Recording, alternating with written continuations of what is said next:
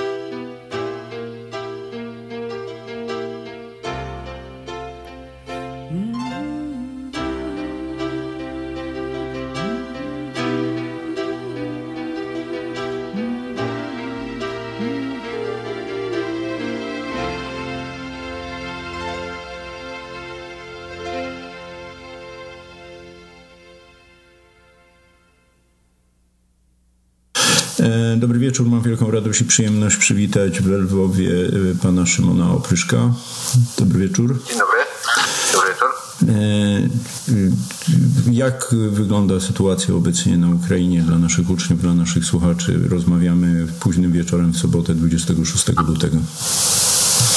Sytuacja, sytuacja cały czas jest napięta. E, kolejne, kolejne ataki przyjmują Rosjanie w kierunku Kijowa przede wszystkim i to w, jakby w Kijowie jest najtrudniejsza sytuacja, także e, na południowym wschodzie Ukrainy. Natomiast ja jestem cały czas w Lwowie, mm, gdzie sytuacja jest stabilna, natomiast cały czas do miasta przyjeżdżają grupy e, uchodźców. Jest ich bardzo dużo. E, przez kilkanaście kilometrów ciągną się sznury samochodów w kierunku przejścia, przejść granicznych z Polską.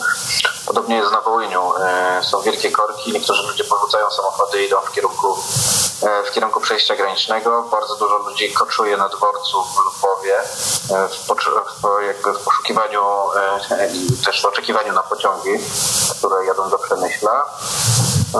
I w samym Lwowie też sam Lwów przyjął bardzo dużo uchodźców, więc można powiedzieć, że stał się taką oazą spokoju na Ukrainie i, i, i takim miejscem, do którego wszyscy próbują uciec.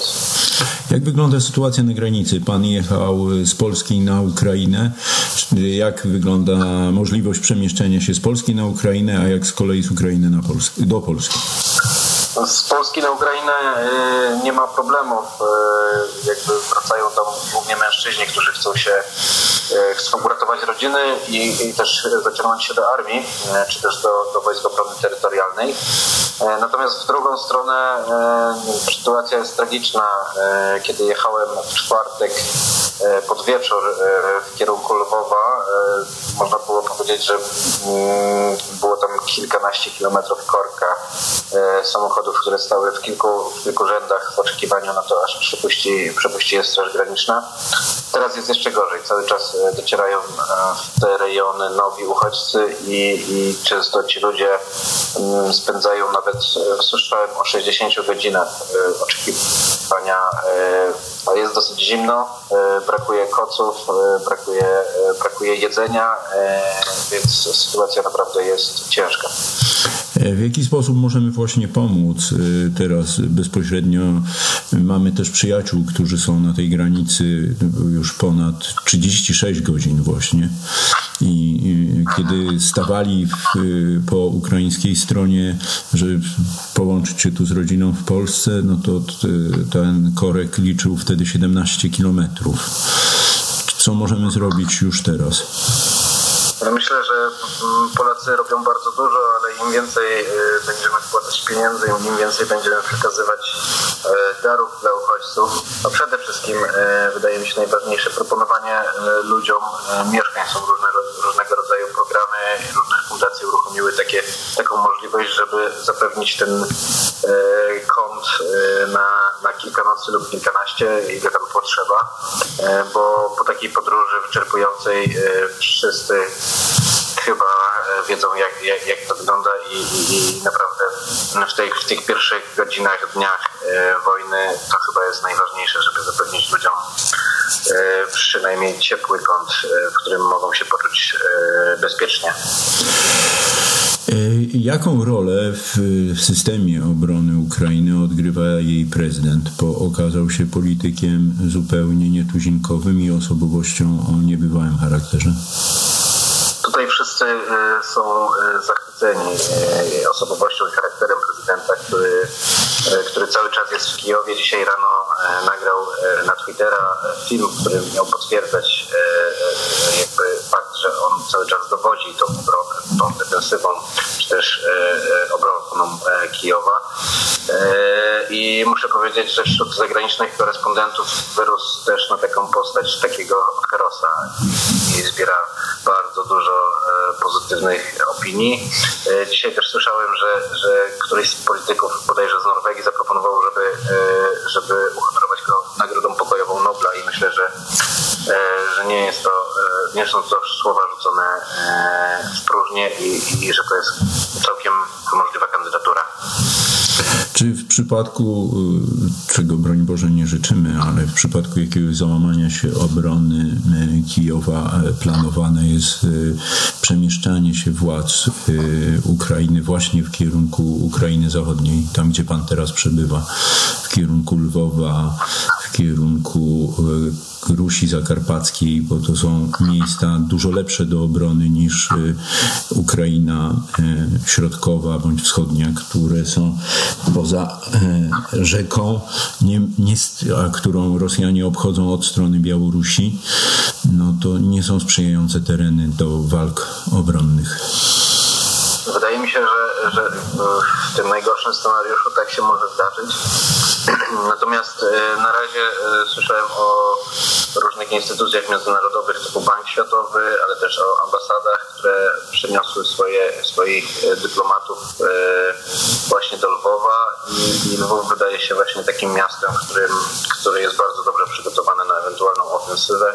Ja dzisiaj wiele, wiele godzin spędziłem z osobami, które w jakiś sposób się przygotowują do tego możliwego ataku wojsk rosyjskich i wszyscy tutaj mówią, że nie wyobrażają sobie e, po pierwsze stracenia Kijowa, ale w momencie, w momencie tego gorszego scenariusza wszyscy zapowiadają walkę i nikt nie zamierza opuszczać. E, jak wygląda sytuacja w stosunku do drugiego z sąsiadów, który pośrednio jest agresorem, a z którego terytorium e, e, wojska rosyjskie mają ułatwiony dostęp właśnie do stolicy Ukrainy, do Kijowa? Jak wygląda sytuacja w relacjach Ukraina-Białoruś? Po, tam, gdzie pan się porusza, no to na południe już niedaleko poprzez Wołyń, graniczny Wołyń jest Białoruś wszystkie, e, wszystkie samochody, widziałem dzisiaj dwa czy trzy samochody na białoruskich e, e, tablicach rejestracyjnych wszystkie są zatrzymywane. Myślę, że te stosunki są takie same jak z Rosją, więc można powiedzieć, że jest to stan wojny. Natomiast muszę powiedzieć, że poznałem też wielu mm, studentów z Białorusi, którzy też uciekali z Głowa, starali się dostać do Polski lub też do Pragi i, i dla nich ta sytuacja też jest nie, w ogóle nie do pomyślenia, że, że Białoruś jakby współuczestniczy w, tym, e, w tej wojnie i w tym ataku e, na Ukrainę. When you walk through a storm, hold your head up high and don't be afraid of the dark.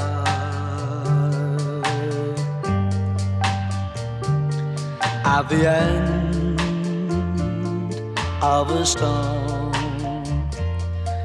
There's a golden sky and the sweet silver song of love.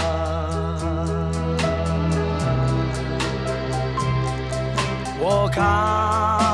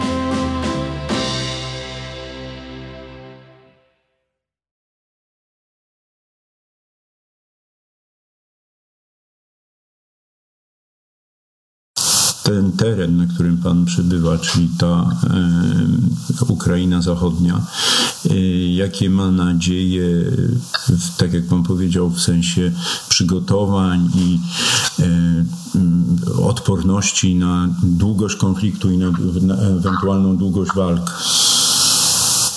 Trudno oszacować, natomiast e, tutaj wszyscy, wszyscy są bardzo mocno e, zmotywowani i na przykład kolejka do, do, do punktu rejestracyjnego e, do, do Wojsk Obrony Terytorialnej, ale też do poboru rezerwistów była dzisiaj ogromna.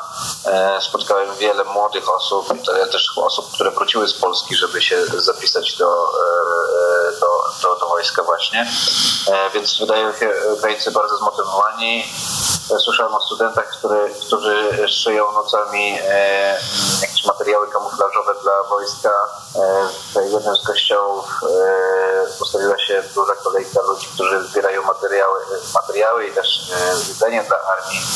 E, I e, jakby każdy może, tak jak może, tak pomaga. E, właściwie czuć to taką wielką motywację do, do, do walki. Poza tymi momentami, kiedy wyją syrenę, bo wtedy widać taką panikę w oczach ludzi, e, przerażenie i niektórzy z nich e, chowają się w schronach. E, ale, ale powiedziałbym, że jest taki napój, m, atmosfera takiego, takiego właśnie moty- motywacji i, oporu, który wszyscy powtarzają, że nie odpuszczą Rosji. Moje ostatnie pytanie e, związane jest z tym, że tak jak Pan powiedział, przemieszcza się Pan teraz e, na południowy e, czy na północny wschód od Lwowa jako reporter, jako dziennikarz. Dokąd może Pan dotrzeć i dokąd zamierza Pan dotrzeć w najbliższych dniach? Zapewne nie uda się dotrzeć do Kijowa. Jest tam bardzo dziennikarzy, e, więc e, ja skupiam się na Ukrainie Zachodniej e, i jakby skupiam swoją uwagę też na uchodźcach, którzy, którzy tej pomocy potrzebują i których historię trzeba opisywać. Więc to jest moje zadanie, a myślę, że, że wielu dziennikarzy opisuje rzetelnie to, co się dzieje na froncie. Już są jak najbliżej frontu i też wiem, że wielu polskich dziennikarzy znajduje się obecnie w Kijowie. To gdyby odwołać się właśnie do tego pańskiego przesłania dziennikarskiego, e, skala tych uchodźców, którzy znaleźli się w okolicach Lwowa, którzy są w Lwowie, e, to czy można to oszacować i jaką e, ilością osób możemy się liczyć, że one będą chciały się przedostać do Polski i czy istnieje w ogóle taki rozważony jest plan ewentualnego otwarcia granicy zupełnego dla uchodźców w momencie, kiedy sytuacja stawałaby się niebezpieczna. E, Nic o takim planie nie wiem, natomiast granice, jakby uchodźcy z Ukrainy są, e, są bez problemów przyjmowani, natomiast rzeczywiście muszą czekać w kolejkach. Słyszałem do tej pory, dzisiaj, dzisiejsze statystyki mówiły o tym, że 40 tysięcy osób już przeszło granicę polską. E, Natomiast e, myślę, że drugie tyle czeka obecnie w portach E, i możemy mówić o 100 tysiącach, będziemy mogli mówić o 100 tysiącach zapewne w tych pierwszy, w pierwszym tygodniu walk. Wydaje się, że, e, że cały czas każde nowe doniesienia z Kijowa czy też z, z Ukrainy e, no, południowo-wschodniej e, będą tylko motywowały ludzi do tego, żeby porzucać, porzucać domy i, i uciekać, no bo, no bo sytuacja będzie coraz bardziej tragiczna. No chyba, że, że jakaś, w jakiś sposób politycy międzynarodowi, czy też NATO, czy, czy też Stany Zjednoczone i Unia Europejska e, wprowadzone sankcje, ale też konkretne działania, o których cały czas mówią mi Ukraińcy, że oni potrzebują konkretnych działań ze strony, e, ze strony e, światowej jakby polityki. Być może to jest nadzieja w tym, że, że, że ta ofensywa rosyjska się załamie i wtedy będziemy mogli mówić o, o sta- ustabilizowaniu sytuacji. Na razie mam wrażenie, że coraz więcej ludzi decyduje się jednak wyjechać z Ukrainy lub też wyjechać właśnie do Ukrainy Zachodniej. Dziękujemy bardzo. Naszym gościem był dzisiaj pan Szymon Opryszek. Dziękujemy Dziękuję bardzo. i do usłyszenia mamy nadzieję. Do usłyszenia.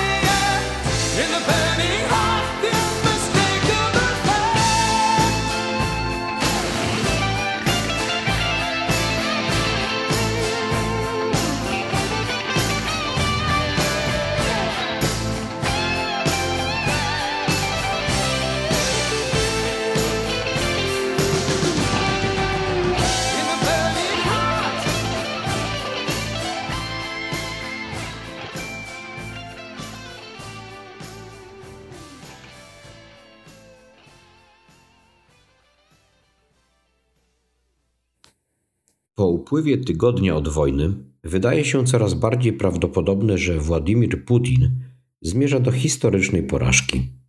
Może wygrać wszystkie bitwy, ale i tak przegrać wojnę. Marzenie Putina o odbudowie rosyjskiego imperium zawsze opierało się na kłamstwie, że Ukraina nie jest prawdziwym narodem, że Ukraińcy nie są prawdziwym narodem, a mieszkańcy Kijowa, Charkowa i Lwowa tęsknią za Moskwą. To kompletne kłamstwo. Ukraina to naród o ponad tysiącletniej historii, a Kijów był już wielką metropolią, gdy Moskwa nie była nawet wsią. Ale rosyjski despota tyle razy powtarzał swoje kłamstwo, że najwyraźniej sam w to wierzy. Planując inwazję na Ukrainę, Putin mógł liczyć na wiele znanych faktów. Wiedział, że militarnie Rosja przewyższa Ukrainę. Wiedział, że NATO nie wyśle wojsk na pomoc Ukrainie. Wiedział, że uzależnienie Europy od rosyjskiej ropy i gazu sprawi, że kraje takie jak Niemcy zawahają się przed nałożeniem sztywnych sankcji. Opierając się na tych znanych faktach, jego plan polegał na silnym i szybkim uderzeniu w Ukrainę, ścięcie jej rządu, ustanowienie marionetkowego reżimu w Kijowie i zniesienie zachodnich sankcji. Ale w tym planie była jedna wielka niewiadoma. Jak Amerykanie nauczyli się w Iraku, a Sowieci w Afganistanie, znacznie łatwiej jest podbić kraj niż go utrzymać. Putin wiedział, że ma moc podbić Ukrainę. Ale czy naród ukraiński po prostu zaakceptowałby marionetkowy reżim Moskwy? Putin zaryzykował, że to zrobią. W końcu, jak wielokrotnie tłumaczył każdemu, kto chce słuchać, Ukraina nie jest prawdziwym narodem, a Ukraińcy nie są prawdziwymi narodami. W 2014 roku ludzie na Krymie prawie nie stawiali oporu rosyjskim najeźdźcom. Dlaczego 2022 miałby być inny? Z każdym mijającym dniem staje się coraz bardziej jasne, że gra Putina kończy się fiaskiem. Ukraińcy stawiają opór całym sercem, zdobywając podziw całego świata i wygrywając wojnę. Przed nami wiele mrocznych dni. Rosjanie mogą jeszcze podbić całą Ukrainę, ale żeby wygrać wojnę, Rosjanie musieliby utrzymać Ukrainę, a mogą to zrobić tylko wtedy, gdy naród ukraiński im na to pozwoli. Wydaje się to coraz bardziej nieprawdopodobne. Każdy zniszczony rosyjski czołg i każdy zabity rosyjski żołnierz zwiększa odwagę Ukraińców do stawiania oporu. A każdy zabity Ukrainiec pogłębia nienawiść Ukraińców do najeźdźców. Nienawiść to najbrzydsza z emocji, ale dla uciskanych narodów nienawiść jest ukrytym skarbem. Ukryta głęboko w sercu może wytrzymać opór przez pokolenia. Aby odbudować imperium rosyjskie, Putin potrzebuje stosunkowo bezkrwawego zwycięstwa, które doprowadzi do stosunkowo pozbawionej nienawiści okupacji. Przelewając coraz więcej ukraińskiej krwi, Putin upewnia się, że jego marzenie nigdy się nie spełni. To nie będzie nazwisko Michaiła Gorbaczowa zapisane na akcie zgonu Imperium Rosyjskiego, lecz Putina. Gorbaczow zostawił Rosjan i Ukraińców, czując się jak rodzeństwo. Putin zamienił ich we wrogów. Narody są ostatecznie zbudowane na opowieściach. Każdy mijający dzień dodaje kolejne historie, które Ukraińcy będą opowiadać nie tylko w nadchodzących ciemnych dniach, ale także w przyszłych dziesięcioleciach i pokoleniach. Prezydent, który odmówił ucieczki ze stolicy, mówiąc USA, że potrzebuje amunicji, a nie przejażdżki. Żołnierze z Snake Island, którzy kazali rosyjskiemu okrętowi wojennemu odpierdolić się. Cywile, którzy usiłowali zatrzymać rosyjskie czołgi, siadając na ich drodze. To jest materiał, z którego zbudowane są narody. Na dłuższą metę te historie liczą się nie tylko do czołgów. Rosyjski despota powinien o tym wiedzieć równie dobrze jak każdy. Jako dziecko dorastał na diecie opartej na opowieściach o niemieckich okrucieństwach i rosyjskiej odwadze podczas oblężenia Leningradu. Teraz produkuje podobne historie, ale obsadza się w roli Hitlera. Historie ukraińskiej odwagi dają determinację nie tylko Ukraińcom, ale całemu światu. Dodają odwagi rządom narodów europejskich, administracji Stanów Zjednoczonych, a nawet uciskanym obywatelom Rosji. Jeśli Ukraińcy odważą się zatrzymać czołg gołymi rękami, rząd niemiecki może odważyć się dostarczyć im rakiet przeciwpancernych. Rząd amerykański może odważyć się odciąć Rosję od SWIFTA.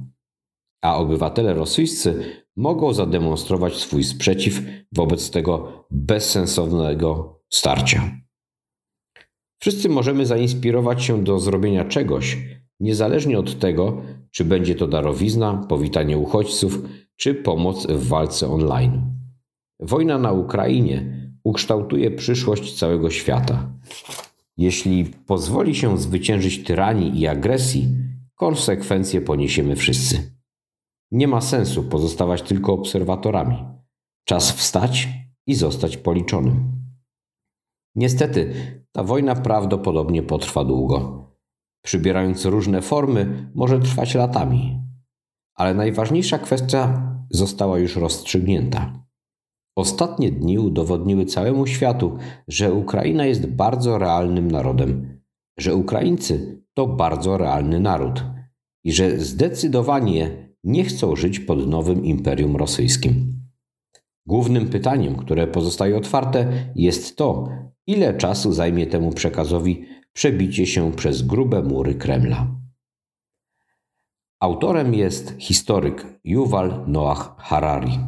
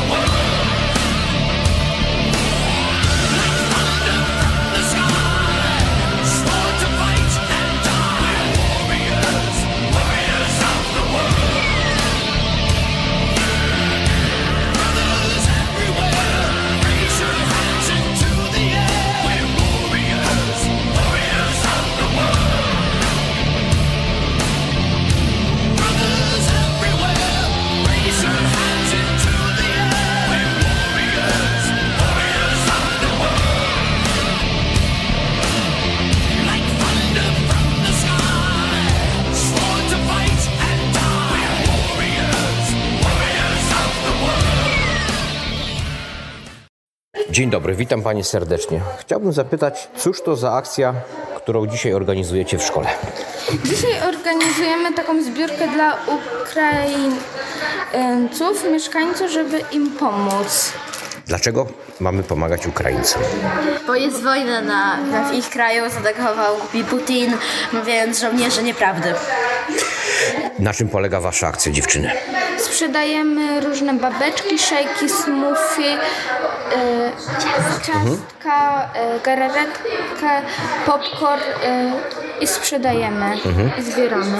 Co z tymi pieniędzmi? E, Ja bym, ja pomyślałabyśmy, żebyśmy na przykład dali nie tylko, byśmy, nie, żebyśmy pomogli na przykład, na, na przykład nie wiem, moglibyśmy dołożyć się do jakiej akcji, który, na przykład Gliwickiej, bo jest, w Gliwicach jest taka akcja, chyba, że zbiera, że, że są jakieś mieszkania, które się sprzedają i, i miasto je kupuje dla tych, e, nie wiem, tak mi się zdaje coś, albo byśmy w ogóle dali na militarię e, Ukrainy, żeby teraz się udało. W każdym razie bardzo dziękujemy za Waszą akcję. A kto jest organizatorem? Oliwia? Oliwia, Helena, Z- Emilka i Zuzia, druga Emilka i Julka. Czyli Anonimowo. większość y, pospolitego ruszenia z klasy szóstej, ale nie tylko. Bardzo dziękuję dziewczyny. Musi być jakaś odmiana. Z czym się Panią kojarzy Ukraina teraz? Z wojną i z cierpieniem. I ze złem. Z czym się Pani kojarzy Ukraina? Trzecią wojną światową, która jeszcze w pełni nie była trzecią wojną światową. I tak pół wojny. Nela, a Tobie? Z czym się kojarzy Ukraina dzisiaj? Z zniszczonymi budynkami i z wojną. Dziękuję. Z czym się Państwu kojarzy dzisiaj Ukraina? z terenem działań wojennych. W sumie to, to samo z terenem działań wojennych. Czy sądzicie Państwo, że powinno się Ukrainie pomagać? Jeśli tak, to w jaki sposób, a jeśli nie, to dlaczego? Ja uważam, że tak, bo po pierwsze wszyscy jesteśmy ludźmi, a po drugie też no, jak im nie pomożemy, to możemy być następni. Mm, Też uważam, że powinno się im pomagać. Najlepiej przystąpić do jakiejś na przykład organizacji albo y, szkoła z charakterem na przykład organizuje. E, no, trzeba pomagać, bo to, no, tak jak powiedziała przedmówczyni, wszyscy są ludźmi i ja jestem nastawiony raczej, że dalej nie pójdą, aczkolwiek no, nigdy nic nie wiadomo. Oczywiście tego nie wiemy. Bardzo dziękuję. Dobry, co Pani tutaj robicie? Yy, jakby w dwie przerwy wyprzedałyśmy wszystko. Ty się wkręciłaś na krzywy ryj. dlaczego, dlaczego z Ukrainy? Yy, ponieważ teraz tam jest wojna. Ja gadam. Ja bym chciała to nie, proszę z nim nie robić wywiadu, że na krzywy ryj wkręciła. Ponieważ tam jest teraz wojna i uchodźcy z Ukrainy, e, czy e, ludzie z Ukrainy uciekają do Polski i spróbujemy zbrać na nich pieniądze, żeby mieli rzeczy potrzebne. Zebraliśmy już chyba e, no, ponad e, Wydaje nam 700 zł. Wydaje nam się, że ten, wydaje nam się, że będzie coś koło 1000 lub mniej. Koło 800-900 zł. Ja myślę, że 1000 będzie. No z 1000 będzie. Czyli Ukraina kojarzy wam się teraz z wojną, prawda? Czy powinniśmy pomagać Ukraińcom? Jeśli tak, to dlaczego? A jeśli nie, to dlaczego? Tak, na pewno po- pomagać Ukraińcom, bo em, no to jest bardzo dobrego, co robimy. Jesteśmy sąsiadami jakby, No i musimy sąsiedzka pomóc. przyjaźń. Bo co, co dzieci tracą życia, dorośli tracą życia i trzeba im pomóc jakby. Ja ostatnio widziałam takie dziecko, które straciło matkę w wybuchu. I no, trzeba się im pomagać. Nie muszę coś takiego Też polecamy też bardzo po prostu przyjeżdżanie na granicę i zabieranie tych Ukraińców, tak wywiezienie bardziej w kraj, żeby po prostu nic się z nimi nie stało. Też jak macie jakieś wolne miejsce w domu, jakiś pokój czy coś, bardzo e, byłoby miło, gdybyście po prostu wzięli i użyczyli im ten pokój, bo oni naprawdę nie mają gdzie żyć teraz. Bardzo wam dziękuję za pomoc, no i trzymajcie się ciepło. Dziękuję bardzo. Z czym panom się teraz kojarzy Ukraina? z krajem, który ma bardzo ciężko i z takim, który musi wygrać wojnę. Słownie. No, z tragedią wielu ludzi, którzy stracili dom i muszą uciekać. Obecnie z wojną. Czy sądzicie panowie, że powinno się pomagać Ukrainie? Jeśli tak, to dlaczego? A jeśli nie, to dlaczego nie? Tak, powinno się pomagać, ponieważ jest to kraj, który chce być w Europie, chce być w zachodniej Europie. Powinno się pomagać, bo są to tak samo jak my ludzie, no i są w ciężkiej sytuacji, więc tak, powinniśmy. po prostu. I bardzo dziękuję.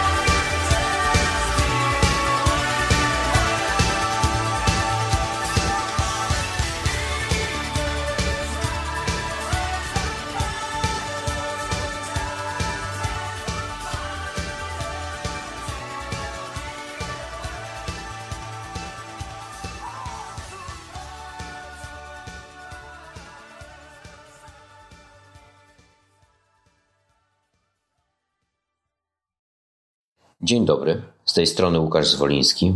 Witam serdecznie wszystkich słuchaczy. Zapraszam do wysłuchania bajki, wiersza zatytułowanego Śmierć i drwal. Żana de la Fontena za bajkopisarzem greckim Ezopem. Obarczony starości i chrustu brzemieniem, drwal ubogi stękając wlókł się do swej chaty. Ustał wreszcie od trudu i z gorzkim westchnieniem, ciężar z ramion zrzuciwszy, narzekać zaczyna. Kiedyż za swą niedolę doczekam zapłaty? Kiedyż biedy ostatnia nadejdzie godzina? Jak długo żyję na świecie, jeszcze mnie zaznał nic. Ogrom zgryzoty. Za mało chleba, za wiele roboty. To żona chora, to wierzyciel gniecie, to grad, to pożar lub oboje razem gnębią podatki, czynsze, kwaterunek. Zapłakał i znękany swym nieszczęść obrazem śmierci wzywa na ratunek. Śmierć posłuszna nadchodzi. Czego chcesz, człowiecze? Ot, zmęczyłem się troszkę. Drwal zmieszany rzecze i chrustu dźwignąć nie mogę. Pomóż, jeżeli łaska, bo mi pilno w drogę. Śmierć wszystko uzdrawia. Niechaj więc każdy zaczeka. Raczej cierpieć niż umrzeć jest dewizą człowieka. Nawet ten, kto cierpi na co dzień, nie chce z tego powodu umrzeć. Umrzeć znaczy wycofać się z gry. Lecz któż z nas chciałby naprawdę z własnej woli pożegnać się z życiem, skoro jest ono jedyną rzeczą, jaką posiadamy? Mówi nam La Fontaine. A jednak czy nie zdarza się, że mężczyźni i kobiety proszą swych bliskich, by pomogli im umrzeć i uniknąć tym samym zniedołężenia, utraty sił? Praktyka ta w większości krajów jest zakazana, lecz w niektórych krajach zezwala się na nią. Jaka jest Wasza opinia na temat prawa do godnej śmierci?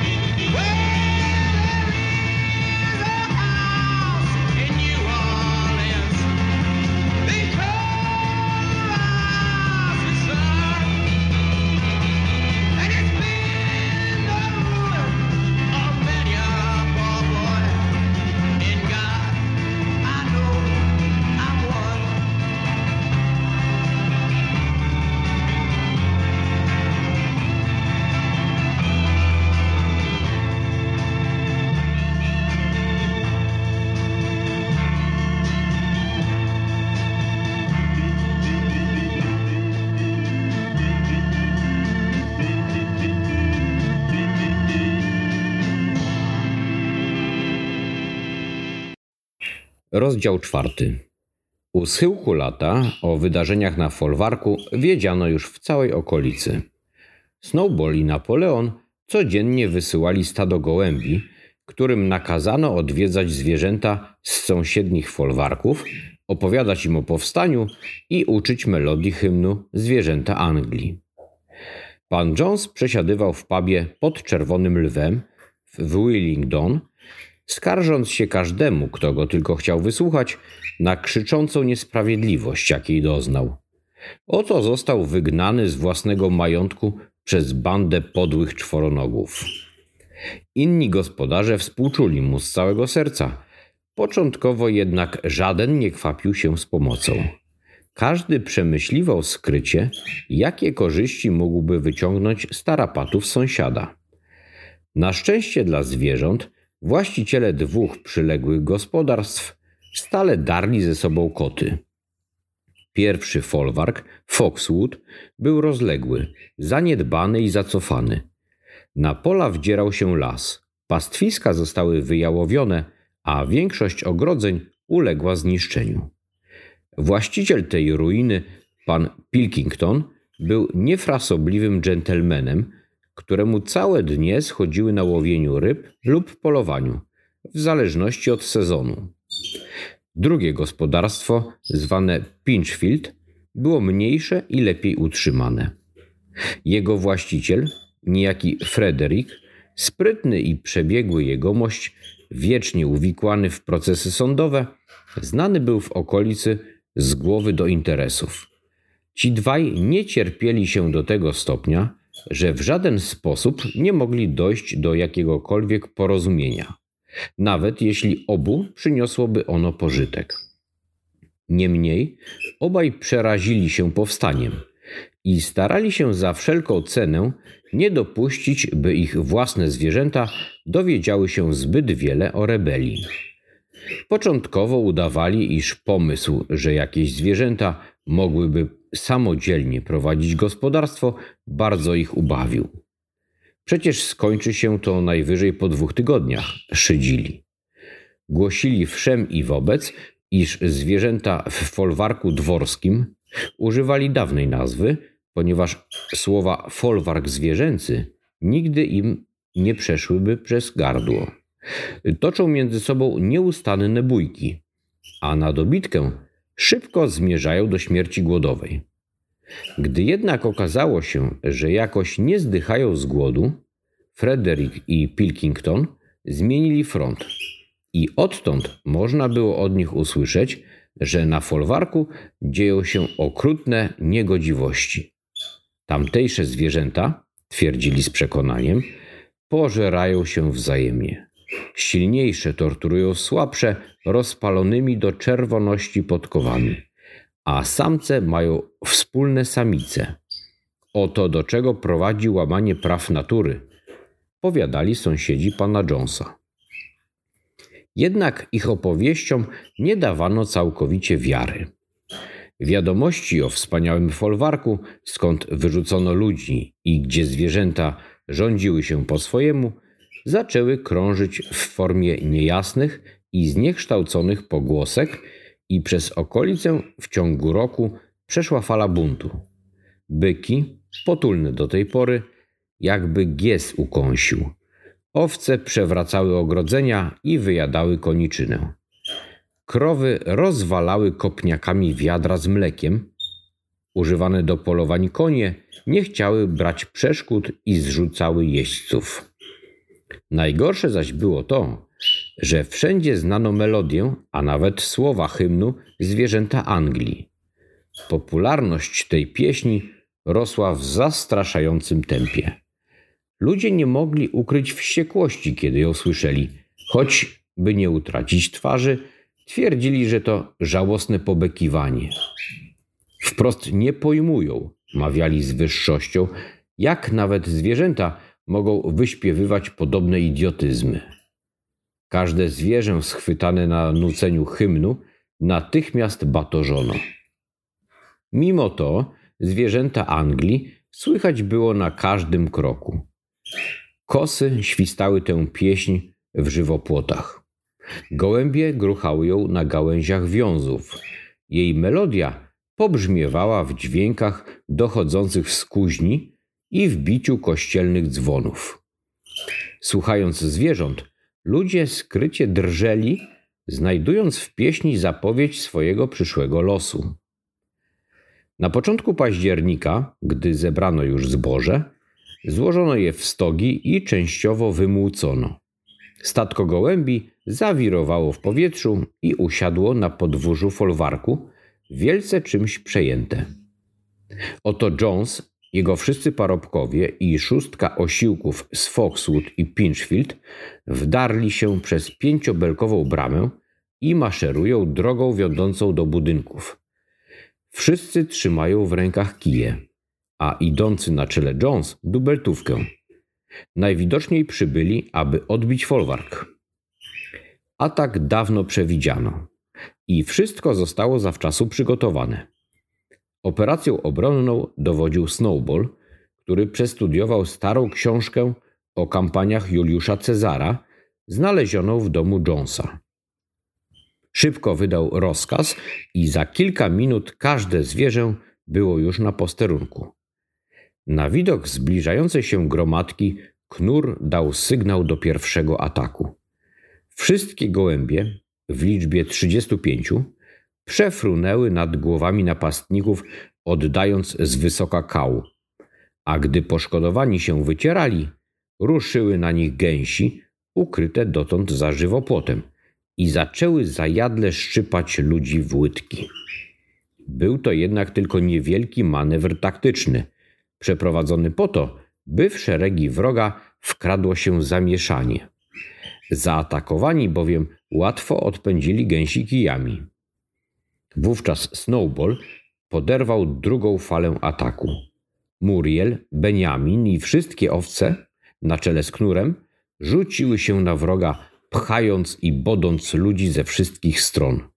Benjamin zaś odwrócił się tyłem i atakował przybyszów, wierzgając kopytkami. Jednak walący kijami i wymierzający kopniaki podkutymi butami ludzie raz jeszcze wzięli górę. Nagle Snowball kwiknął przeraźliwie, co było sygnałem do odwrotu. Zwierzęta zawróciły i ruszyły przez bramę na podwórko. Mężczyźni wydali okrzyk triumfu. Zwierzęta, zdaniem napastników, uciekały w popłochu. Pobiegli więc za nimi bezładną gromadą. Tego właśnie oczekiwał Snowball. Skoro tylko zapuścili się w głąb podwórza, trzy konie, trzy krowy i pozostałe świnie, czyhające w oborze, znalazły się na tyłach wroga, odcinając odwrót.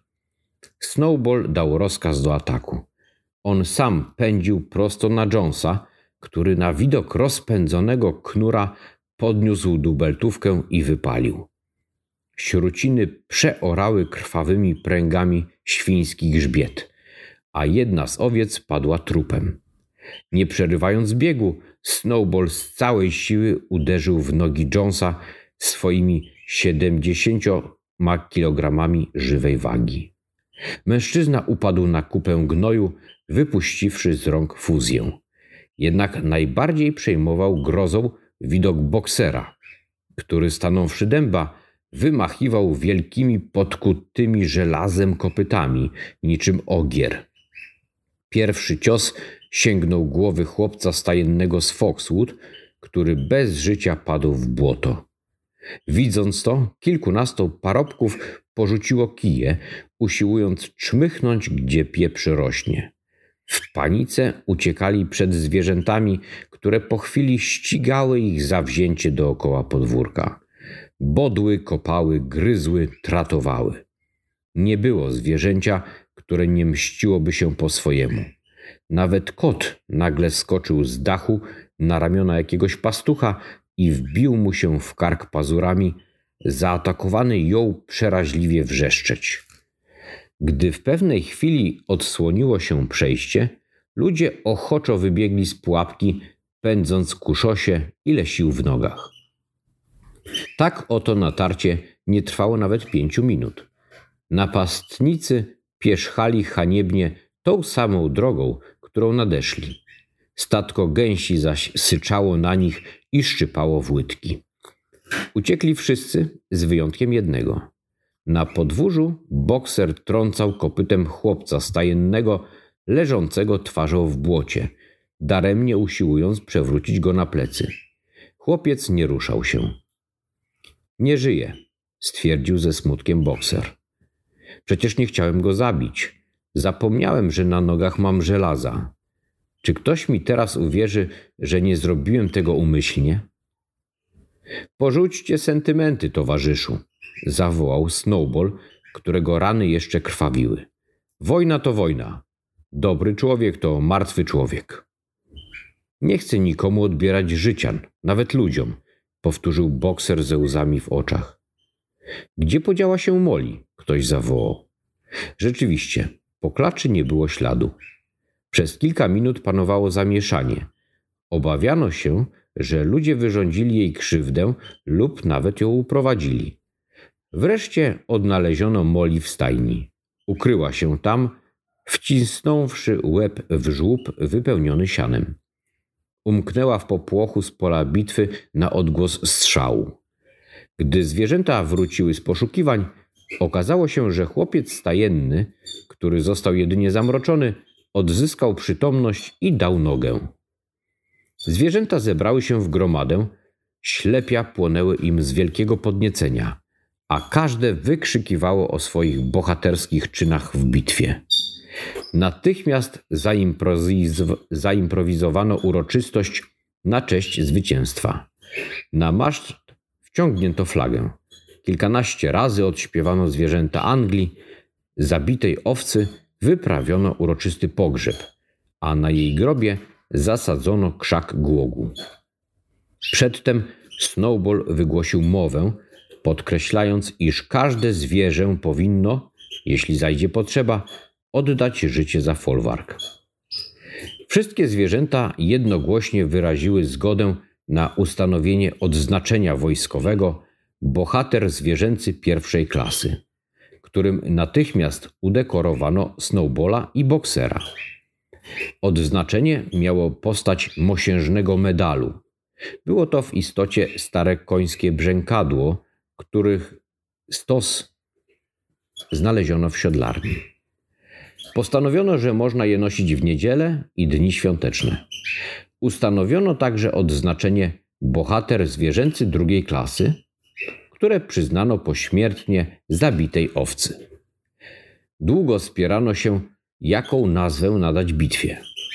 Wreszcie zdecydowano się na bitwę pod Oborą, jako że właśnie stamtąd ruszyła zasadzka. Odnaleziono w błocie dubeltówkę pana Jonesa, a ponieważ w domu stało pudło ładunków, postanowiono, że fuzję umieści się u stóp masztu niczym wiwatówkę i dwa razy do roku odda się z niej strzał. Po raz pierwszy 12 października w rocznicę bitwy pod Oborą, po raz drugi zaś w Wigilię świętego Jana, czyli w rocznicę powstania.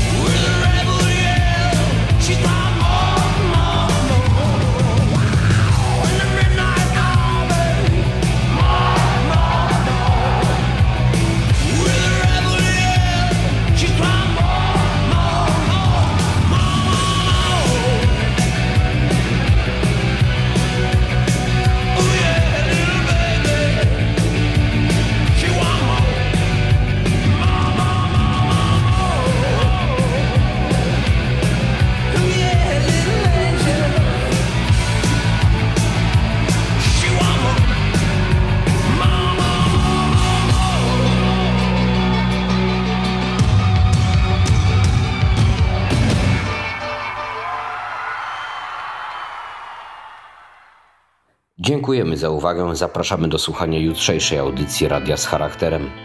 Życzę Państwu wszystkiego dobrego, spokojnego dnia i spokojnej nocy. Proszę pamiętać, że po każdej nocy następuje dzień. Do usłyszenia.